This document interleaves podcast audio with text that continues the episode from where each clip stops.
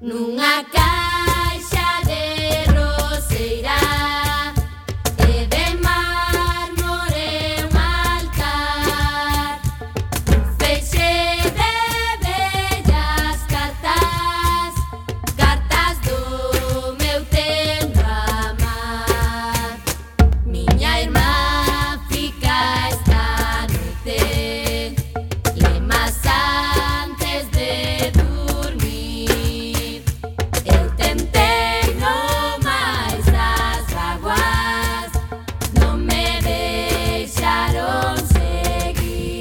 que tal, recendeiros e recendeiras? Benvidos e benvidas a este espazo radiofónico semanal adicado á cultura que facemos en riguroso directo todos os martes ás 7 da tarde aquí en Coac FM, a Radio Comunitaria da Coruña.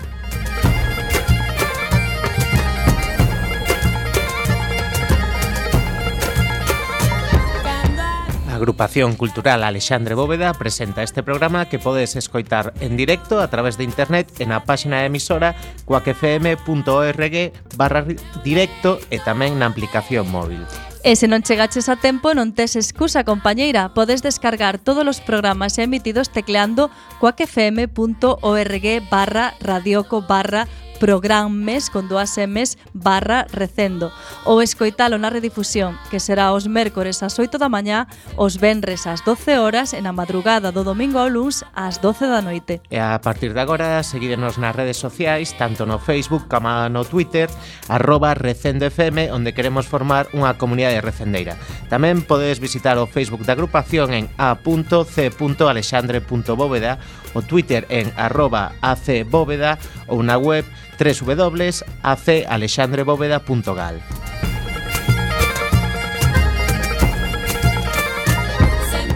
E xa sen máis imos caraló na procura desta fantástica aventura cultural con Roberto Catoira no control técnico e falándolles coa Almanteira, Javier Pereira e Marta López. Caixa de roseira.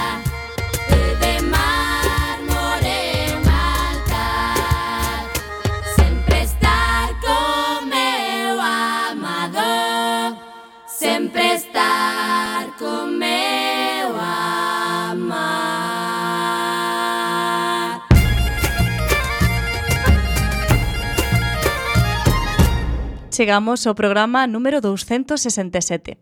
Hoxe estará connosco Xoan Carlos Mexuto, que foi durante os últimos 10 anos o director do grupo de teatro da agrupación cultural Alexandre Bóveda.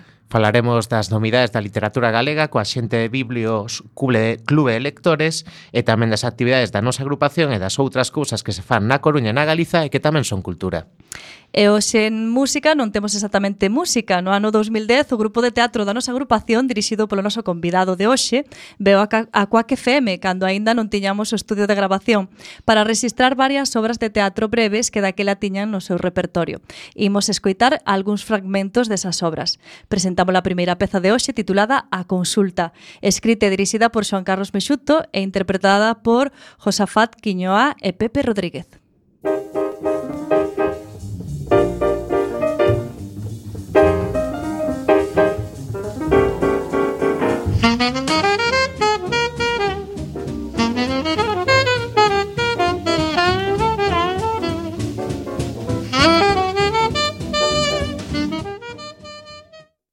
Di vostede que se chama? Seixas.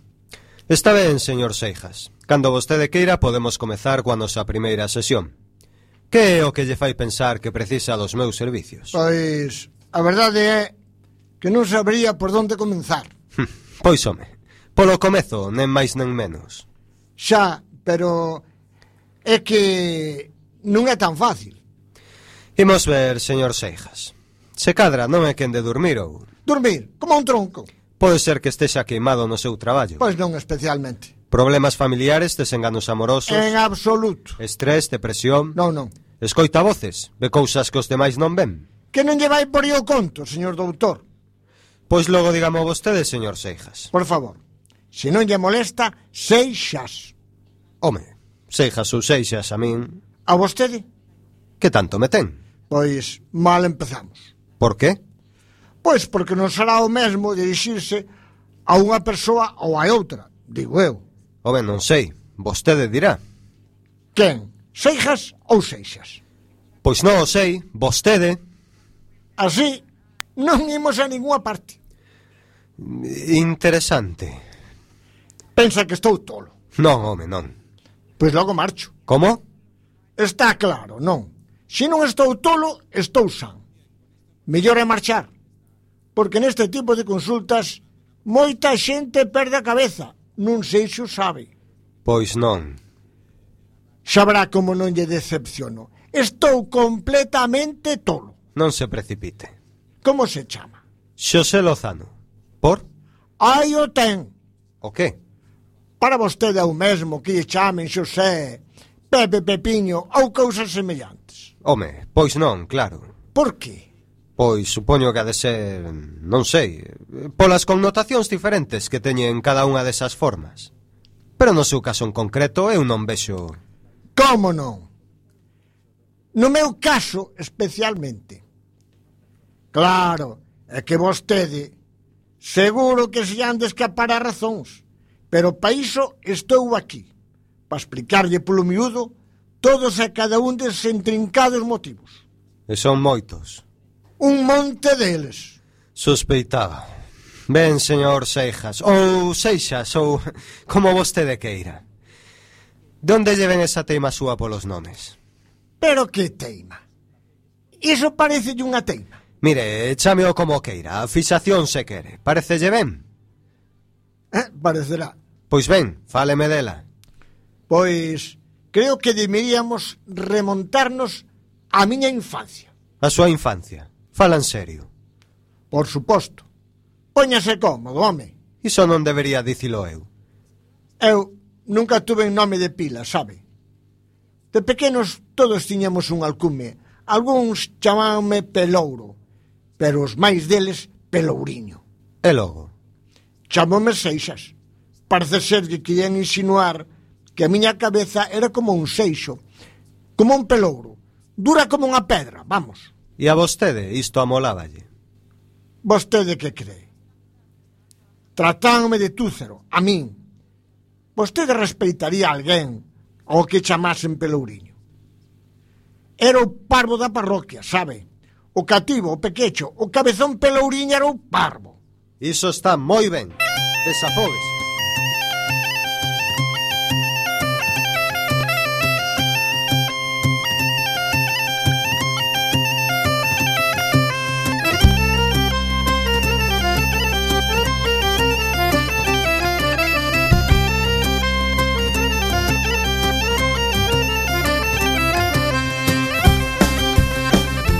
Damos paso ás nosas axendas culturais e empezamos, como sempre, cada nosa asociación, Alexandre Bóveda.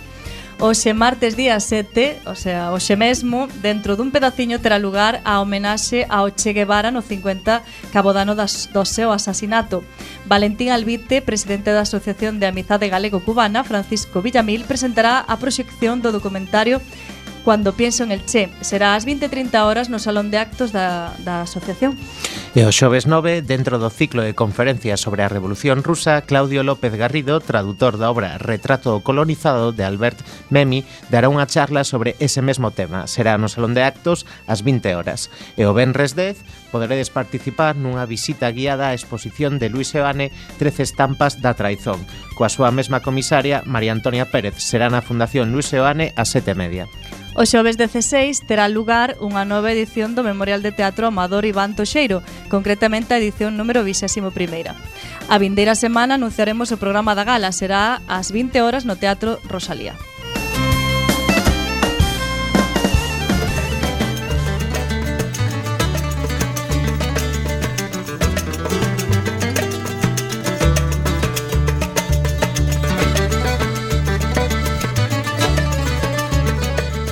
e a quenda da Xenda da Coruña Comezamos polo audiovisual, hoxe ás 20 horas, xusto cando remata recendo, no agora volve o que ali denominan o documental do mes. Esta vez é a quenda de Amazona, no que unha nai primeiriza se atopa de novo coa súa nai que fuxiu hai 30 anos a selva colombiana abandonando a ela e o seu irmán. Quere explorar o significado do concepto maternidade. E lembrade que nestes días podedes ver nos cantóns cines a cinta Esquece Monelos da nosa amiga Ángeles Huerta. E nas artes escénicas, na tempada pasada xa puido verse esta obra na Coruña, pero se non poidestes facelo, chega unha nova oportunidade de asistir á obra Elena, Suizo a unha lurpia, do Teatro do Atlántico, para lucimento da actriz María Barcala como Elena de Troia. Será o Benres 10 ás 20.30 horas no Fórum Metropolitano. E se é toda a familia a que quer ir ao teatro, unha boa proposta pode ser o PART, Historia dun contratempo, onde se mesturan diferentes artes escénicas. Será o sábado 11 ás 20 horas no Ágora. Xa sabedes que hai bonos familiares e entradas moi baratas. Pero, Pero Pero esta semana destaca a homenaxe nacional a Paco Souto cun espectáculo multidisciplinar titulado Atesourando a Palabra. Presentará o acto Rosalía Fernández Rial e actuarán poetas como Miguel Mato Fondo, Marta da Costa ou Lino Braxe, artistas plásticos como Vicky Rivadulla, Peter Kramer e Mon Lendoiro, música e vídeo e outras tantas cousas. A entrada será gratuita collendo a invitación na billeteira. Será o sábado 11 ás 20 horas no Teatro Colón. Pero se o que queres escoitar música, pois podes ir ao Mardi Gras, que na celebración na celebración do seu e 18 anos como sala, este venres 10 ás 20:30 podemos ver aos inesquecibles diplomáticos de Monte Alto. E se queredes algo de xolda, o domingo pola mañá podedes asistir a un evento máis do 13º ciclo de coros históricos galegos. Este domingo 12 comeza ás 11:30 cun pasarrúas e ás 12 horas no Teatro Rosalía. Poderedes disfrutar disfrutar do Orfeón Mariñeiro de Berbés, Cantigas da Terra e o grupo de teatro desa mesma agrupación. E o grupo coruñés Amizades organiza un concerto solidario para colaborar coa Asociación de Parkinson Galicia Coruña. Será o Benres 10 ás 20 horas no Ágora. En canto ás exposicións, hai pouco inaugurouse unha interesante exposición no Museo de Arte Contemporáneo de Gas Natural Fenosa. Titúlase As mutacións polifónicas, con obras de Pablo Genovés, pode verse ata comezos de febreiro. A semana pasada, Tamara Feijó inaugurou Epílogo de Paisaxes e Nubes na Fundación Luis Eoane, exposición eh, exposición comisariada por Alberto Cartón e que poderá verse ata comezos de abril do 2018. E rematamos cunha recomendación literaria. O noso amigo Victorino Pérez Prieto presenta o libro Prisciliano, un cristián libre, o seu oco na cultura galaico-portuguesa. Estará acompañado de Antonio Gil Hernández e Pilar García Negro. Será o xoves 9 ás 20 horas na aula 9 do Ágora.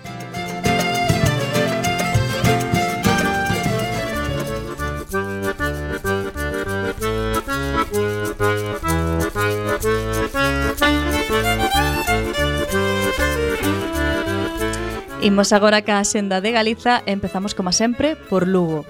Pasado mañá, xoves, inaugúrase a exposición de pintura Animales do artista gráfico Matalobos. A mostra compónse de 13 cadros de técnica mixta realizados sobre madeira co predominio do debuxo. A estrea será ás 20 horas na ferretería situada na rúa San Froilán 11 Baixo. Viaxamos ata Ourense, mañá mesmo, día 8, vaise presentar o libro Véndese a Sanidade Pública todo o que deberías saber sobre a privatización pero ninguén quere contarche. A sanidade pública está en venda nas partes que poden satisfacer os intereses económicos das empresas do sector. Este libro recolle as experiencias de profesionais comprometidos que buscaron alternativas. A cita é no Centro Cultural Marcos Valcárcer, na Rúa Progreso, 30 ás 7 da tarde. E imos agora a Pontevedra. Pon Teatro de 2017 tráenos Elisa e Marcela, de A Panadería. En 1901, dúas mulleres casan na igrexa de San Xurxo na Coruña.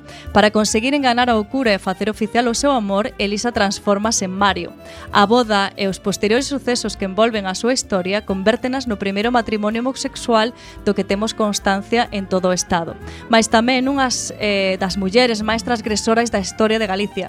Son un símbolo do desafío ás regras do binomio de xénero e da defensa dos dereitos das parellas lésbicas. No Pazo da Cultura, o xoves 9 ás 9 da noite. Pegamos un chimpo ata Santiago e así que remate a nosa emisión, a Facultade de Comunicación acolle unha regueifa científica co título Debería a ciencia axudarnos a vivir para sempre? Os continuos avances nos coñecementos da biomedicina e da tecnoloxía fan achegarse o feito de alongar radicalmente a vida humana. Ante esta posibilidade existen diferentes enfoques e perspectivas, dous defensores do sí e dous do non en plena regreifa. E en Vigo, o Centro de Arte de Ulofeu celebra o vixésimo aniversario do seu labor artístico educativo. Entre as actividades e coa finalidade de exaltar os lazos afectivos e culturais que unen a nosa terra galega con Argentina, organizaron un recital poético musical a cargo do grupo Amancai, que nos convida a compartir unha viaxe musical por distintas rexións do país sudamericano co sabor do mate crioulo. O lugar é o Café Teatro Mimosa o Benres 10 a partir das 21.30. Falamos de Ferrol, Eliseo Parra é unha das figuras máis representativas do folclore ibérico. Leva adicado á música dende os anos 60, pero foi na década dos 80 no que comezou a investigar e estudar a música tradicional castelá. Os seus discos inspiraron a novos intérpretes folk, xa que o seu xeito de innovar e partir das recolleitas de canto tradicional é un referente. Presentarános o seu último disco, pero tamén fará un repaso polo seu repertorio máis significativo. Estará o Benres 10 ás 9 no Teatro Jofre. E hoxe como vila convidada temos a Pobra de Tribes. Chegan as, as 18 xornadas micolóxicas do Clube de Montaña entre o Benres e o Domingo. Contan con exposición, charla no auditorio Julio Vázquez, saída ao campo con micólogo para a recollida de exemplares e cea gourmet composta de tres pratos e sobremesa con cogumelos. Para esta cea é necesario inscribirse previamente. O seu enderezo electrónico é club.montana.tribes@gmail.com.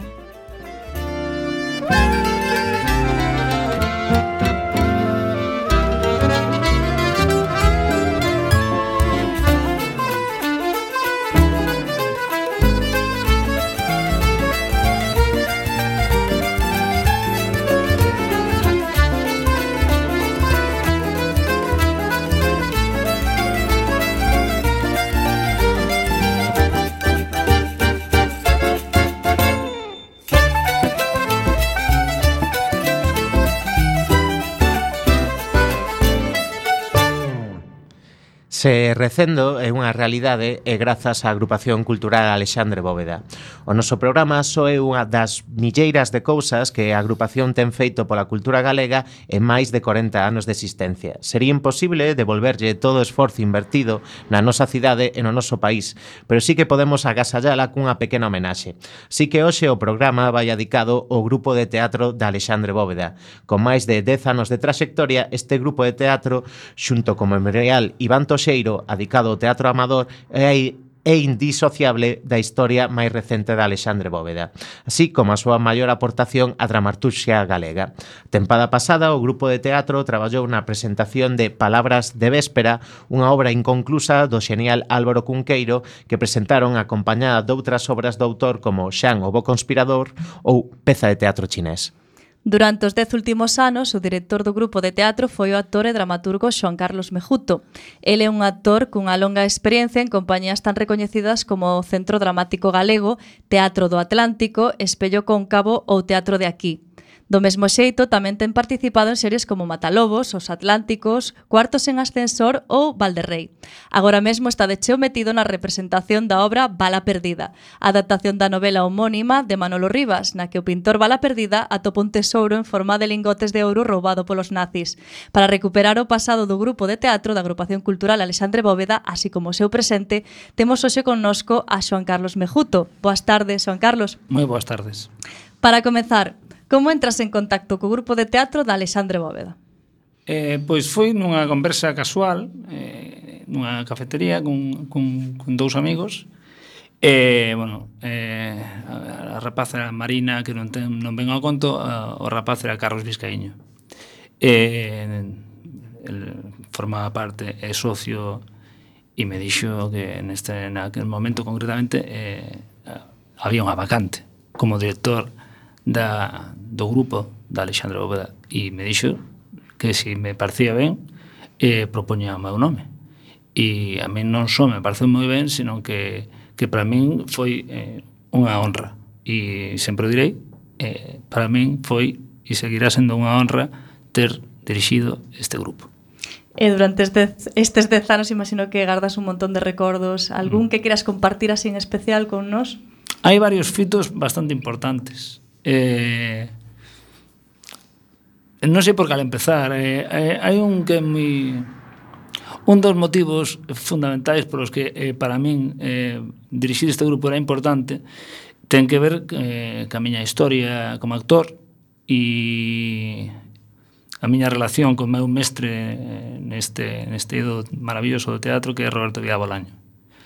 Eh, cando eu traballaba con el, caeu nas miñas mans o libro Vida, Paixón e Morte de Alexandre Bóveda, e cando leo ese libro eh, eh, estremecedor eh, é eh, un eh, ese tipo de libros como sempre en Galiza que, que, te, que, que te remexen por dentro este de, de, de maneira un pouco máis eh, emotiva. Eh, é eh, un, é un libro que se ven sempre en Galiza igual eh, ainda que é moi sentimental tamén sí que fala un poquinho máis a, a, a, teu, a túa cabeza eh, Vida, Paixón e Morte toca, toca, toca o corazón.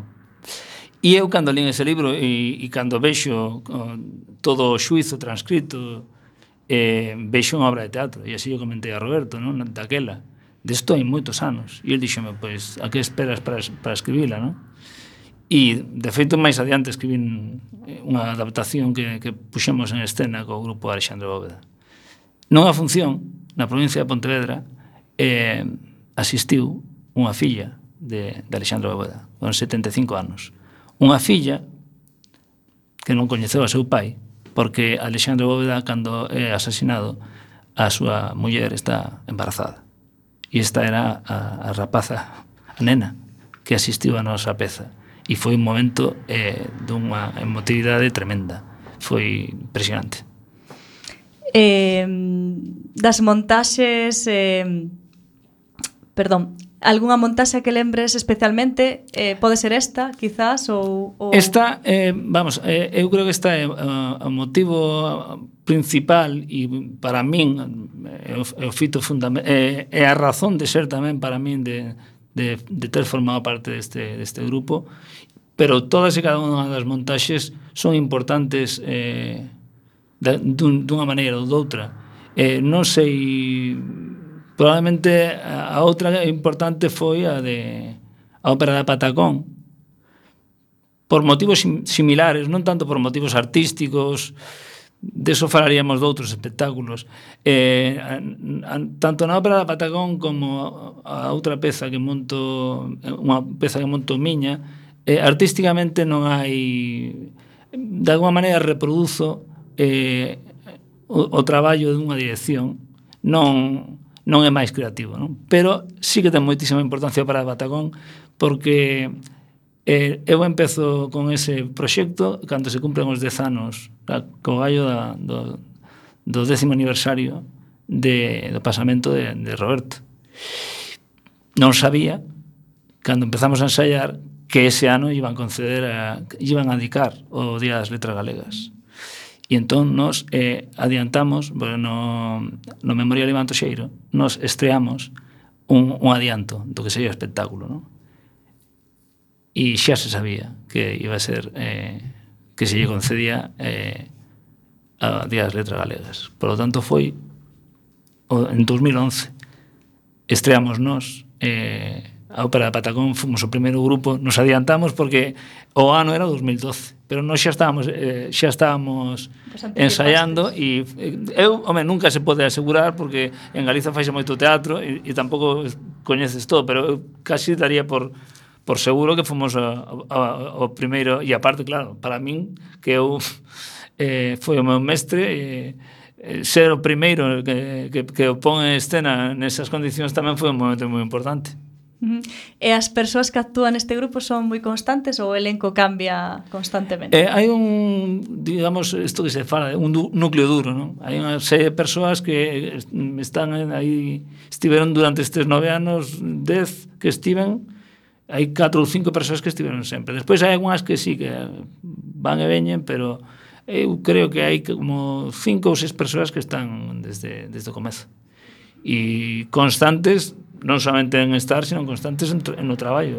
Eu teño que decir que se traballaba moito, eh, que se traballa moito neste grupo. Sí, sí. Penso que de traballar moito é unha constante de, de toda a agrupación. bueno, eh, estiveches de 10 anos de, de director, E claro, por exemplo, en vida, paixón e morte de Alexandre Bóveda ou eh, ópera do Patacón, digamos que a razón pola que seleccionaches esas obras pareceme clara polo que contaches agora, pero Logo, para montar eh, outras obras, cal era o teu criterio a hora de escoller os textos? Eh, vamos, eh, para, para empezar, eh, teníamos que contar a historia da primeira, porque, bueno, eh, despois desta conversa con Carlos Vizcaíño, da que falamos antes, eh, non sei se a semana seguinte ou ou dúas semanas despois daquela conversa eh, me piden que me achegue á asociación porque había unha, unha xunta directiva e aí me iban a falar e presentar como novo director e como dixen despois a, ao grupo cando tive a primeira reunión con eles, nesa xunta directiva xa me puxeron deberes. Non? Entón, a, sí, porque eu creo que foi acabando o verán ou por aí. E claro, eh, normalmente o Memorial Iván Toxeiro é a volta de outubro, novembro, agora é novembro, hmm. por exemplo, este ano eh, vai ser agora. E entón isto creo que era, eu entrei creo que a finais de verán. Entón, eh, me dixeron que tiña que ter montado algo xa eh, para... para Dos meses. Datas, E me deron un, un libro así, que era un tocho así gordo. Bueno, na radio non se ve o xesto que estou facendo moi cos gordo, dedos, gordo. pero é un libro un, un, típico denominado ladrillo, non? E que para nada polo contido, senón polo, polo, polo ancho. Eran as obras completas, o teatro completo, e que ademais editaba a Asociación de Xenaro Mariñas del Valle. E aí, pois, claro, daí tiña que escoller unha obra porque era era un ano no que se lle facía homenaxe e pues, eh, a verdade é que foi moi, moi, moi doado porque empecé a ler e en, ainda que en todo o teatro lín a obra completa un das primeiras pezas foi coa que me quedei que foi a Serpe de de, de Xenaro Vanillas del Valle. E con esta eh, Despois, se queredes, mm, eh, vos falo unha anécdota que houve nos primeiros ensaios e despois al, algo sobre sobre mm, sobre o que vai a obra e por que a fixemos como a fixemos. Pois moi ben, eh, Xoan Carlos xa sabe que imos facer a nosa primeira parada nesta conversa, imos escoitar un fragmento de Un día de compras, tamén, bueno, que foi escrita por ti, non, Xoan Carlos, uh -huh, sí. e que está protagonizada por Josafat Quiñoa, Isabel Vidal e Moncho Iglesias. Buenos días, señores clientes. Abrimos nuestras puertas un día más de 9 de la mañana a 8 de la tarde. Esperamos que tengan ustedes un feliz día de compras y les recordamos que nuestra organización está a su servicio. Bos días, señores clientes. Abrimos as nosas portas un día máis de 9 da mañá a 8 do serán. Agardamos que teñan vostedes un feliz día de compras e lembramosles que a nosa organización está ao seu servizo.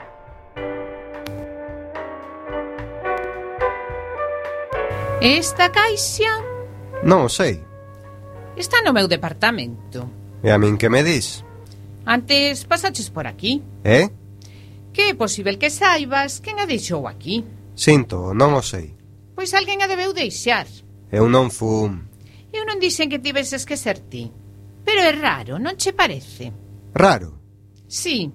As caixas non andan soas por aí. Estaba leira. Non o sei. Non penso nen tocala. A ver, déixame ver. Sí, está baleira, así que podes tirala. Que máis ten? Pode ser. Pode ser o que? Que sí, que a poderei tirar. Non digo que non. Pero iso non soluciona o problema. Que problema? Cal vai ser? Se me desfago dela, non saberei quen a deixou aquí. E mañá poderían aparecer máis caixas. Mira, fai o que queiras coa ditosa caixa. Podes comela se queres. Por que? É túa. Non, non é miña, pero fai con ela o que che saia do carallo. Ois, coidado con esas palabras. E non ergas a voz aquí, fai mal efecto. Podo volver ao meu traballo? Como non?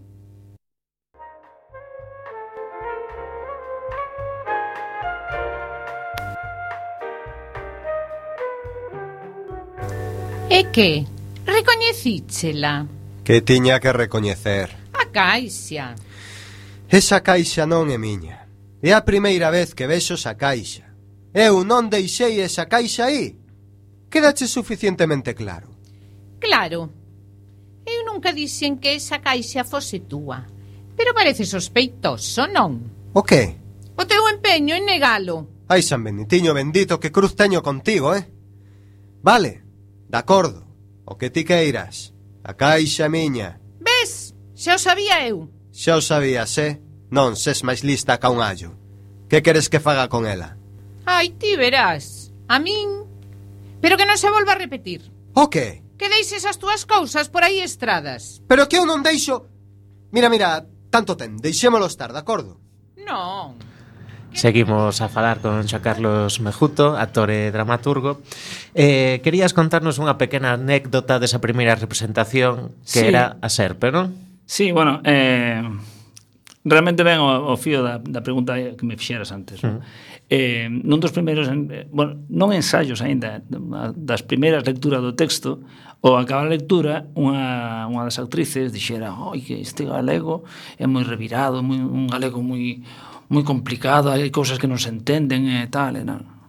Eu quedei un poquinho en silencio e despois dixen algo que ten que ver co, co que me preguntabas. E dixenlle que eu pensaba que se ese texto fose dun autor español, probablemente diríamos que léxico ten, que estilo, que, que linguaxe tan depurada, que... Sin embargo, ao ser un texto galego, temos esa outra cousa. Que, que galego máis máis revirado, máis, máis, máis, máis, máis raro, máis difícil. Se si fose un texto de Lope de Vega, asumiríamos que ese utilizan pois, o emprego de formas arcaicas ou, ou linguaxe pois, porque mm, por a, a, o idioma da época eh, é un clásico e, e o tratamos como, como, como se merece non?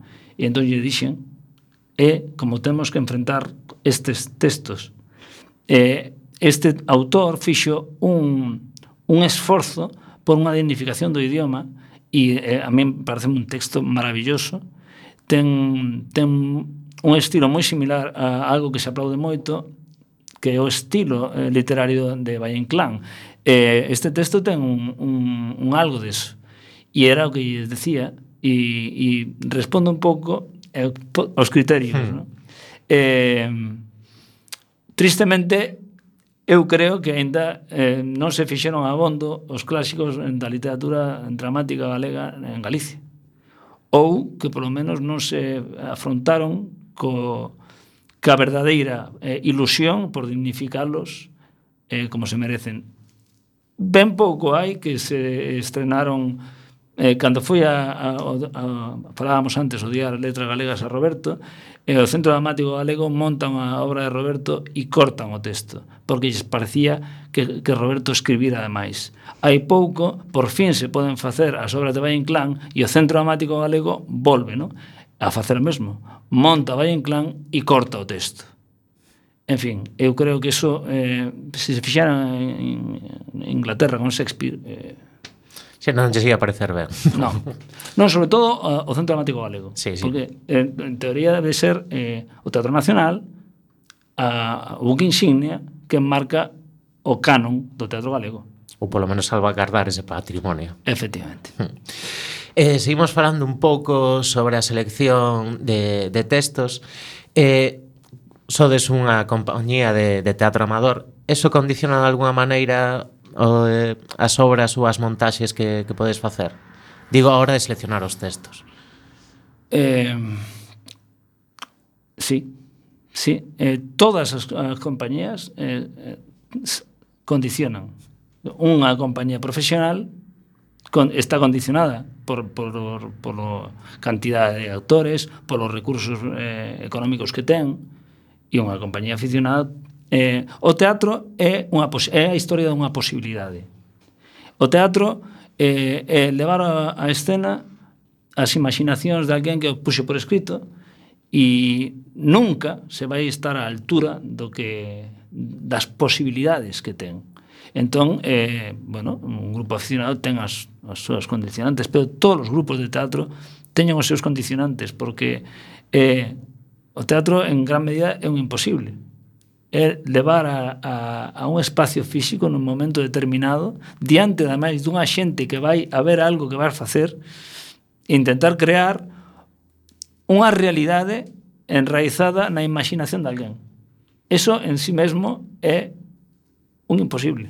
Entón calquera que intente eh, eh, achegarse a ese imposible vai ter condicionamentos baixando máis a pregunta de si un, un grupo aficionado eh, pois sí, eh, tamén e cada grupo o que pasa é que as tipoloxías de teatro aficionado son moi moi moi moi moi variadas, non? Eu podo falar das que das poucas que neste neste caso, por exemplo, un condicionante eh, pode ser tal, talmente simplemente o feito de que eu son un director profesional que teño uns cánones ou unhas e eles son uns, un, uns actores aficionados. As, eh, hai unha discrepancia igual en nos obxectivos eh, artísticos e hai que chegar a un consenso, hai que chegar a un acordo. Eu a veces aí pecaba un pouco de demasiado eh, detallista e exixente con eles. Eh, e ese é un condicionante que eh, podes preguntar a eles. Tiñas fama de director duro, mellor. Sí, sí, eso, eso, eso din tamén, sí. bueno, de todas maneiras, nunca está mal exixir un pouco, enda que só sexa por dignificar o, o teatro sí, galego. Sí, sí. Eh, o que pasa é que cando te deixas levar polo... Eu teño que estás un pouco de xenio. Pero bueno, agora pixestes... Eh, está moi ben escoitar estas, estas pezas, porque un can cos anos, cando leva moito tempo nun, nun grupo, tamén pode perder a perspectiva e ás veces pensas eh, levo aquí moitos anos e parece que non, que non aprenden, que non melloran, que non... E hoxe, agora, escoitando estas pezas, podo, podo afirmar que melloraron moito nestes anos. Eh, Carlos, como se organiza o traballo de, dun grupo amador? Igual que un grupo profesional ou é eh, diferente? Como, como dixa antes, hai mm, tipoloxías distintas. Eh, hai, por exemplo, eh, grupos amadores que eh, hai un liderazgo compartido, hai grupos aficionados... Bueno, neste caso, en, eh, no caso do grupo Alexandre Bóveda, eu, en principio, sempre tive a, a dúda de se era un taller de teatro, un grupo de teatro, e, e había un pequeno conflicto aí. Pero despois, eh, cando co, ca dinámica de traballo, eh, fomos decatando de que o que queríamos era facer a, o maior número de, de funcións posibles. No? E entón, eh, aí fixemos eh, unha, un reparto de responsabilidades e, e, e, e creo que todos navegábamos na mesma dirección e, foi moi ben. E hai algún tipo de exercicio ou disciplina para que os neófitos collan o pulso da interpretación? Exercicios hai de todo tipo, eh, e evidentemente para diversos niveis eh, distintos. No? A mí os que máis me gustan é de recoñecer que non son eh, un, moi ducho neles, pero eh, todos aqueles que, que, que teñan que potencien o, o aspecto lúdico do teatro. En, en toda a escena ten que haber un xogo, eh, porque toda a escena realmente nace dun conflicto entre, entre dous ou tres personaxes, pode ser, pero normalmente hai dúas forzas que se enfrentan. E eso está en moitos xogos, non? E, e canto máis dinámica sexa esa loita, pois eh, máis viva será tamén. Eh, calquera pode subirse a un escenario e facer unha, unha representación así digna ou Bueno, eh, calquera pode subirse a un escenario eh, e, eh, o nivel de dignidade eh, tamén eh, es, eu aquí hai, hai isto é un debate que se podría eu teño visto melloras increíbles en xente que podrías decir que, que, que si, así, sin pensalo E de primeiras, eh, este non vale. Entón, eh, o que sí que podo afirmar é que nunca se pode decir este non vale. Porque, de verdade, eu teño visto verdadeiros, verdadeiras milagres. Pero depende de, da vontade. Depende, hai... Pero como todo na vida, supoño. ¿Mm? Eh, pode que haxa, de alguma maneira, unha opinión eh, en moita xente e tamén fomentada unha vez por, por, por toda por, desde a profesión desde o marketing que se porque claro para vender entradas o tema do glamour o talento eh, a idea de que para facer teatro hai que ter talento de que a, a, a xente que nos dedicamos a isto somos especiais esa idea se fomenta quizáis eh, eh, pois claro, para vender entradas, para porque para ser un actor tens que ter seguidores, eh, tens que ser algo especial pero eh, é un traballo, é un oficio como outros como outro calquera. Ten un aspecto artístico que, que claro, eh. Certas cualidades, non? Pois eh... eh as cualidades potencian resultados. Sí. E aí, aí eh, chegar a ser un grandísimo actor efectivamente solamente está ao alcance dos que teñan a capacidade para ser un grandísimo actor, pero no teatro non so, o teatro no cine non só so está feito por grandísimos actores eu isto eh, eh, eu, eu teño moita sorte por varias cousas eh, ao longo de, da, da miña trayectoria. Eu teño a sorte, por exemplo, de dar con moi bons profesores ou mestres.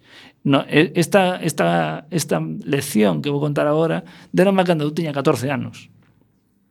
E no grupo de, do instituto no que empecé, o grupo Sardiña, doma Ricardo Martín.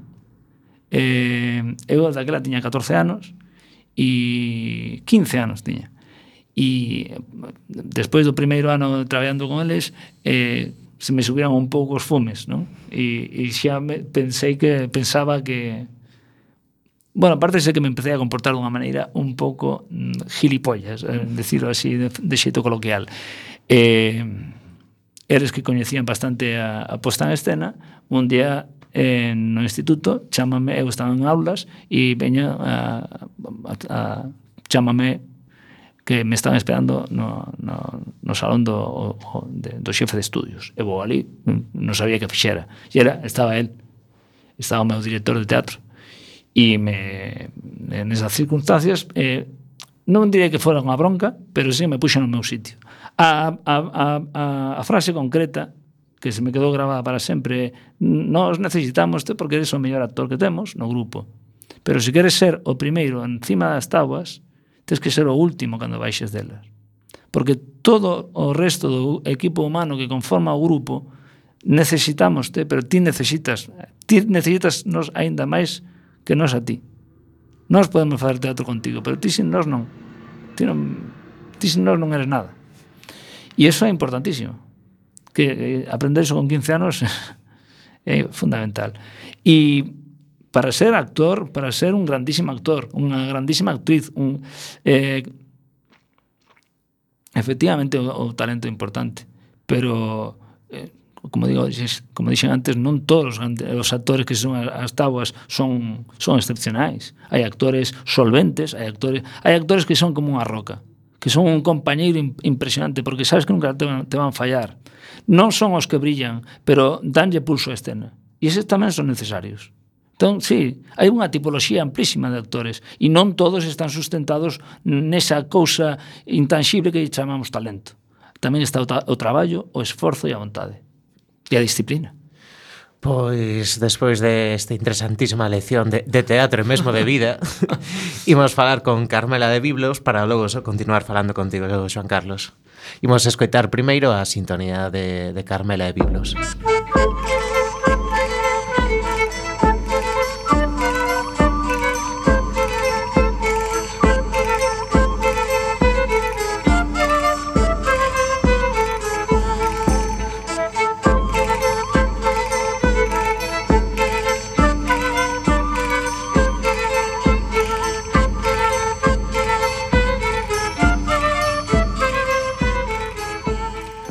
Ola, boas tardes, Carmela. Ola, que tal? Boa tarde.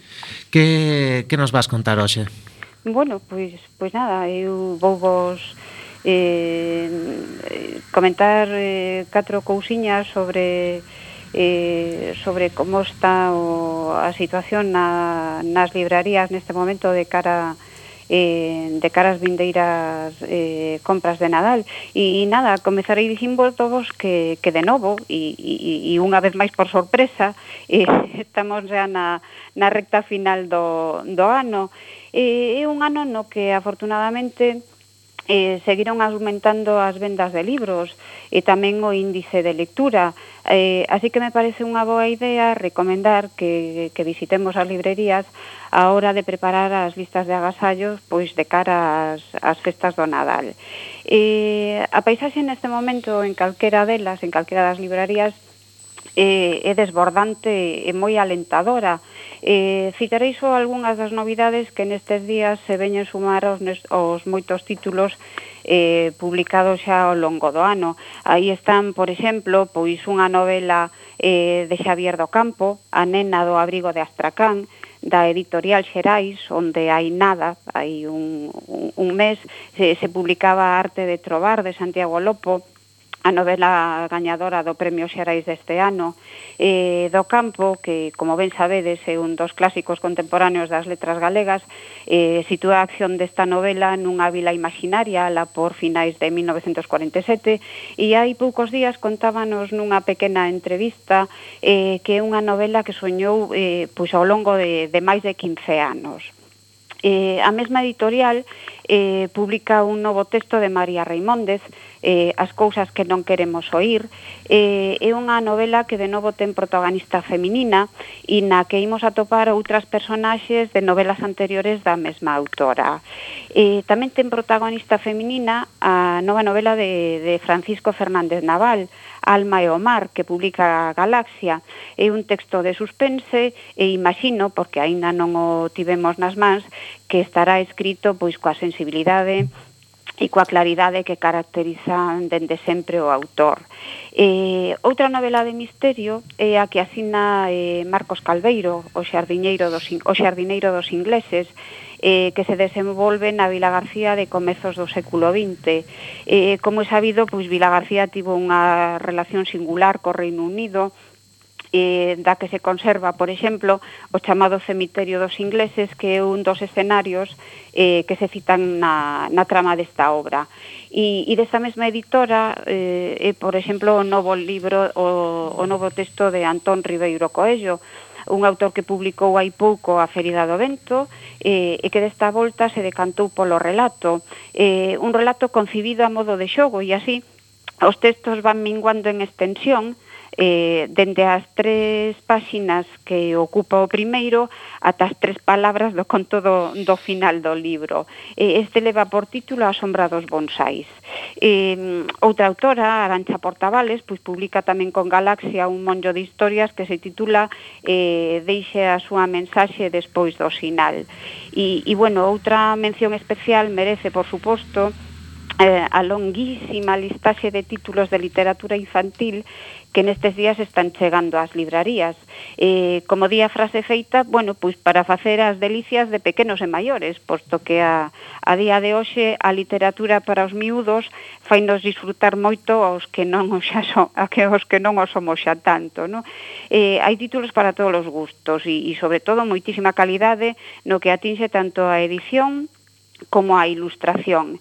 E, bueno, pois ata aquí un pouco o meu comentario, se me permitides, insistirei na, na idea inicial da paisaxe diversa e desbordante eh, que a estas alturas ofrecen o conxunto das librerías. E claro, unha paisaxe que, que, que nos recomendamos eh, e, e convidamos convivir en directo, en primeira liña.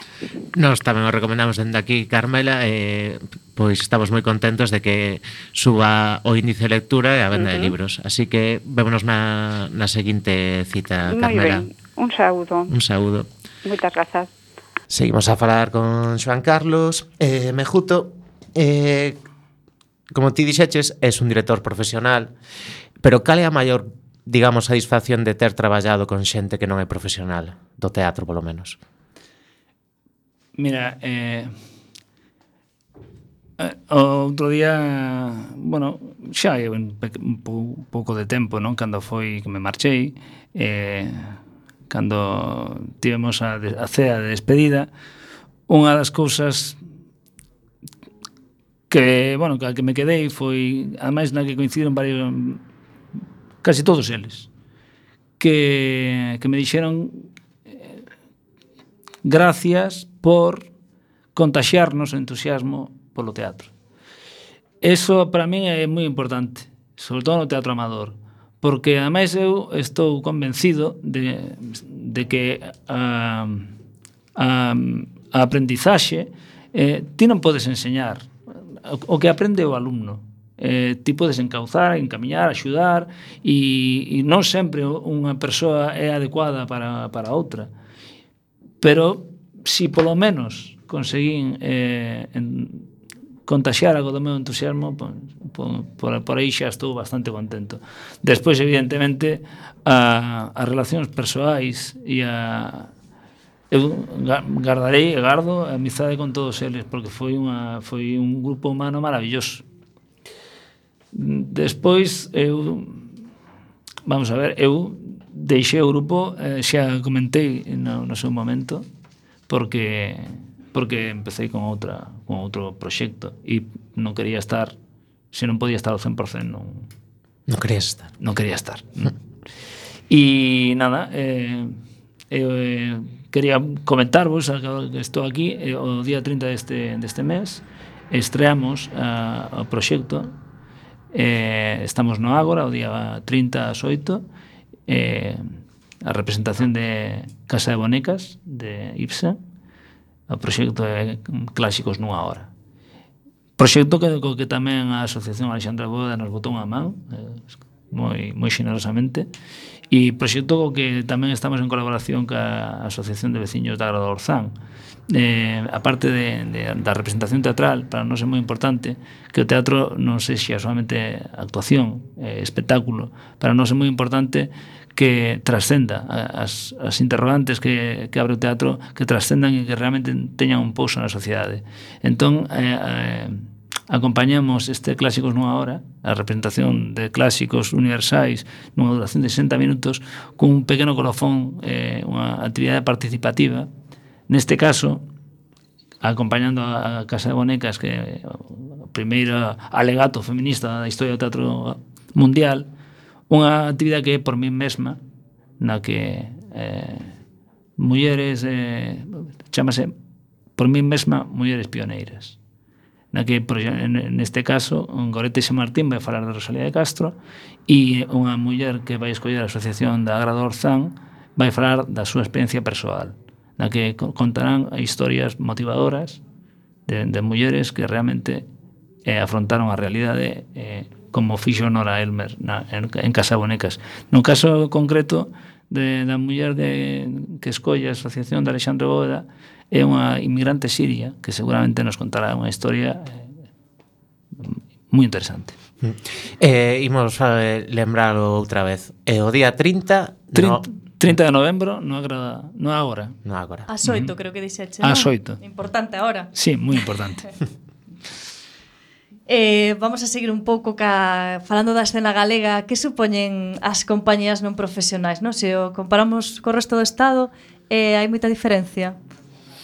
Non, eh, eh, eu creo, bueno, eu non coñezo, vou ser sincero, non coñezo como é o, o, a, a situación fora do Estado español eh, con, con respecto ao teatro aficionado.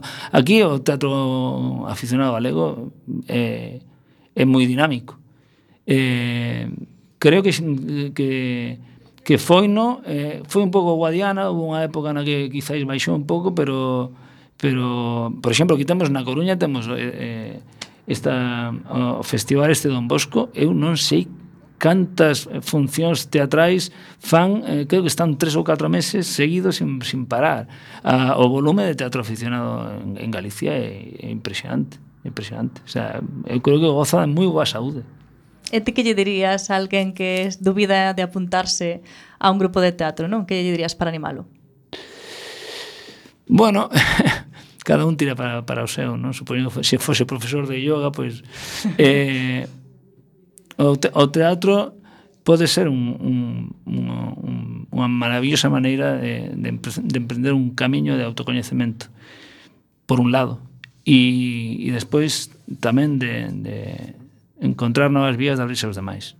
Se alguén está buscando iso, o teatro pode axudarlle. Xa nos vai quedando pouco tempo, Xoan Carlos, pero unha preguntiña. Para ti que resulta máis complicado, ser director, actor ou dramaturgo? Eh, bueno, eu sempre digo que eu son dramaturgo, eu son director, eh, por, me, como consecuencia de que primeiro son actor. Eu son actor e a necesidade de contar unha serie de historias que non, que non encontro pois me obrigan a escribilas ou me obriga a dirixilas. Pero fundamentalmente eh, por riba de todo son actor. Máis complicado pois cando, eh, cando necesitas contar unha historia eh, tens que saltar por riba de calquera complicación que se che poña por diante. Eh, que non consigues bueno, nunca conseguimos alcanzar a lúa forma parte iso que contabas antes eh, do imposible. Efectivamente. Partimos dun texto para as posibilidades son infinitas. Son infinitas. Ah. Bueno, algunha pregunta máis? Marta? Bueno, supoño que os plans, non? Os, os teus plans de futuro así máis inmediato ou a longo plazo, non sei. Algo pois, que queiras a, agora, como, como xa vos dixen que esto, estamos inmersos na, eh, na, na inminente estrea, pois eh, eh, Eso é o máis importante. Eso é o máis importante. No, no teatro eh, eu son como o cholo, digo, partido a partido, non? sí, eh, agora mesmo, home, clásicos nunha hora nace ca vontade ese un ciclo. E temos eh, xa nas nosas mans un maravilloso texto eh, a adaptación adaptación, traducción de Manuel Lorenzo do Macbeth para que sexa o noso segundo clásico.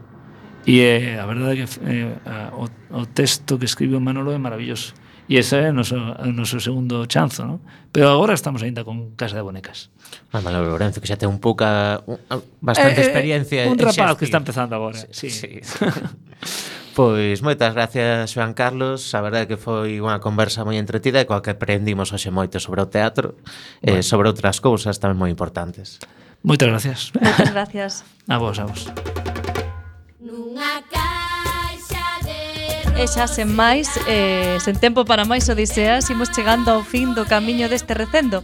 Despedimos o programa de hoxe agradecendo aos nosos convidados que, como sempre, son de honra. Hoxe tivemos a Xoan Carlos Mejuto, director durante 10 anos do Grupo de Teatro Alexandre Bóveda, e falamos con Biblios Clube de Lectura.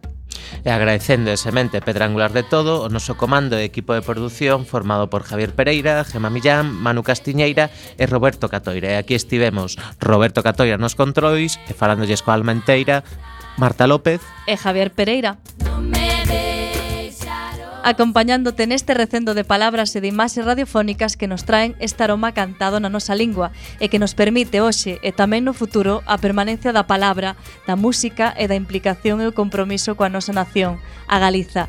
Ato vindeiro martes, a 7 da tarde, en directo nesta emisora coa que FM da Coruña. Xa sabedes, recendo, as mil primaveras que terá o noso idioma.